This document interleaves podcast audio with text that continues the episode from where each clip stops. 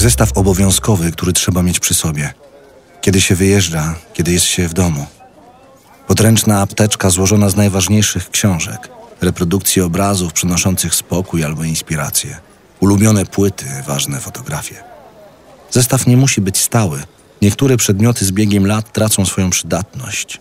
To, co kiedyś w nich odnalezione, dziś niczego nie tłumaczy. Straciło moc. Niektóre przedmioty zostają na dłużej, może na zawsze. Apteczka. Co w niej trzyma Janina Bąk? Czyta autorka. Potrzebuję czasem przytulić się w synapsy.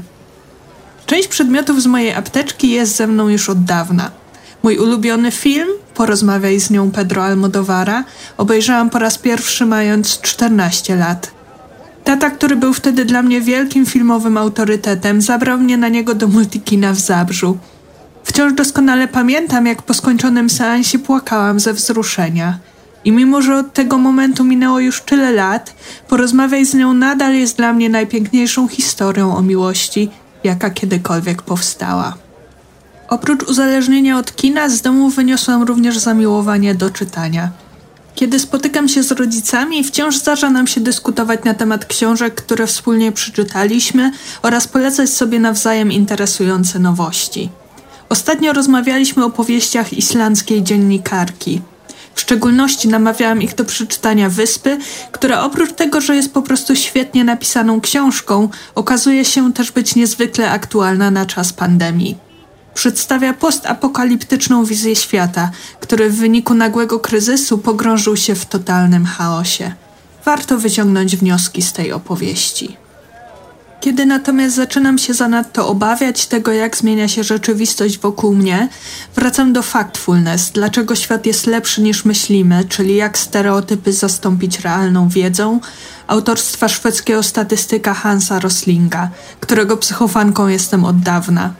W swoich książkach przedstawia on ustrukturyzowane badania oraz rzetelne informacje i wyjaśnia, jak powinniśmy je interpretować.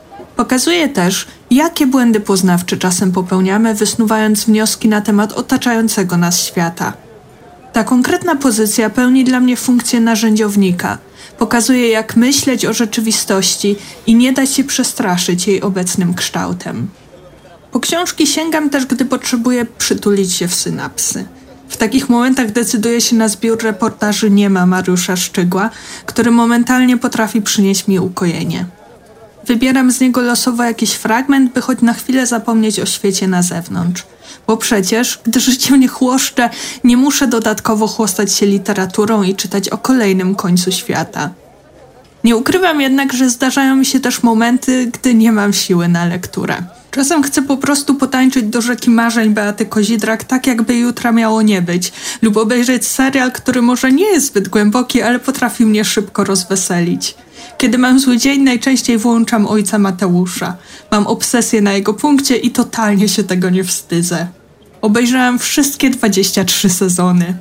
Myślę sobie, że życie byłoby znacznie prostsze, gdybyśmy wszyscy na co dzień zachowywali się tak, jak postaci w tym serialu. Byli dla siebie pomocni i potrafili współpracować w trudnych sytuacjach.